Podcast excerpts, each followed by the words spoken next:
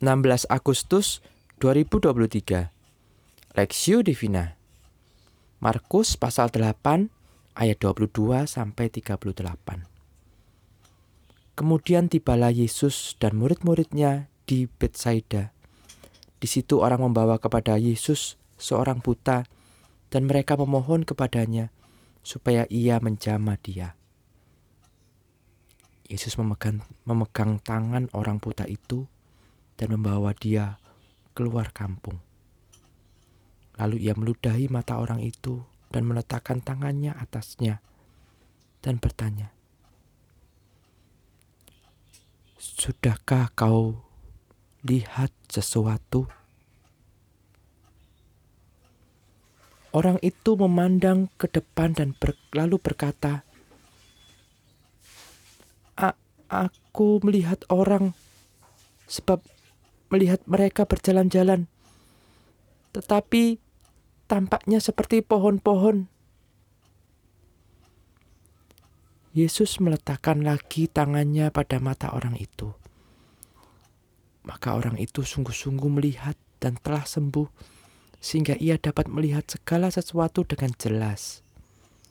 Sesudah itu, Yesus menyuruh dia pulang ke rumahnya dan berkata, jangan masuk ke kampung. Kemudian Yesus beserta murid-muridnya berangkat ke kampung-kampung di sekitar Kaisarea Filipi. Di tengah jalan ia bertanya kepada murid-muridnya katanya, Kata orang, siapakah aku ini? Jawab mereka, ada yang mengatakan Yohanes Pembaptis, ada juga yang mengatakan Elia. Ada pula yang mengatakan seorang dari para nabi. Ia bertanya kepada mereka, "Tetapi apa katamu? Siapakah aku ini?" Maka jawab Petrus, "Engkau adalah Mesias." Lalu Yesus melarang mereka dengan keras supaya jangan memberitahukan kepada siapa pun tentang Dia.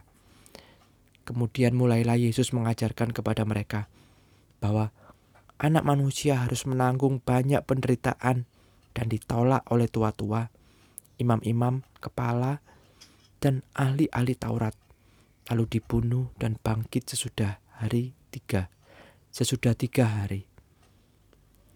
Hal ini dikatakannya dengan terus terang. Tetapi Petrus menarik Yesus ke samping dan menegur dia. Maka berpalinglah Yesus dan sambil memandang murid-muridnya, ia memarahi Petrus katanya, Enyalah iblis, sebab engkau bukan memikirkan apa yang dipikirkan Allah, melainkan apa yang dipikirkan manusia. Lalu Yesus memanggil orang banyak dan murid-muridnya dan berkata kepada mereka, setiap orang yang mau mengikut aku, ia harus menyangkal dirinya, memikul salibnya, dan mengikut aku. Karena siapa yang mau menyelamatkan nyawanya, ia akan kehilangan nyawanya. Tetapi barang siapa kehilangan nyawanya karena aku dan karena Injil, ia akan menyelamatkannya. Apa gunanya seorang memperoleh seluruh dunia, tapi ia kehilangan nyawanya? Karena apakah yang dapat diberikannya sebagai ganti nyawanya? Sebab barang siapa malu karena aku dan karena perkataanku di tengah-tengah angkatan yang tidak setia dan berdosa ini, anak manusia pun akan malu karena orang itu apabila ia datang kelak dalam kemuliaan Bapaknya, diiringi malaikat-malaikat kudus. Pemahaman yang tidak lengkap perspektif.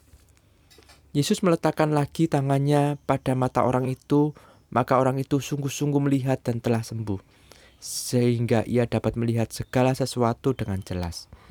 Markus pasal 8 ayat 25. Ketika kanak-kanak, Anda akan merasa sulit memahami mereka yang lebih dewasa dari Anda. Namun hal ini tidak berarti membuat Anda berhenti bertumbuh dan memiliki pengetahuan yang lebih lengkap lagi. Yang perlu kita lakukan adalah terus belajar untuk memiliki pengetahuan yang lebih baik lagi atau semakin utuh. Ketika membaca bacaan Alkitab hari ini, apakah Anda menemukan sesuatu yang janggal dari kisah Yesus menyembuhkan orang buta di Bethsaida? Di mana kejanggalannya? Ya, Anda pasti tahu, pada umumnya Yesus menyembuhkan orang sakit dalam sekejap mata. Namun dalam kisah ini Yesus perlu menyembuhkan orang buta tersebut dengan dua kali jamahan. Aneh bukan? Apakah Yesus telah kehilangan kuasa? Atau orang itu kurang beriman? Anda jangan salah paham. Ingat bahwa Yesus sering mengajar para murid dengan perumpamaan atau analogi. Artinya, melalui perumpamaan atau analogi yang Yesus sedang Yesus sedang menjelaskan tentang sikap tertentu dari orang yang sedang dibicarakannya atau dinasehatinya. Perhatikan perikop sebelumnya. Yesus, Yesus menganalogikan pengajaran dan perilaku hidup orang Farisi maupun Herodes dengan ragi roti. Namun para murid justru berpikir bahwa ten, para murid justru berpikir tentang ragi roti secara literal. Itulah sebabnya Yesus menegur mereka. Masihkah kamu belum mengerti? Markus pasal 8 ayat 21. Maka melalui peristiwa penyembuhan orang buta di Bethsaida, sekali lagi Tuhan Yesus mengajar para murid agar mereka memiliki pemahaman atau mengenalkan yang lebih baik tentang dirinya. Seperti penyembuhan orang buta itu, dan ber, dengan bertahap ia semakin jelas melihat.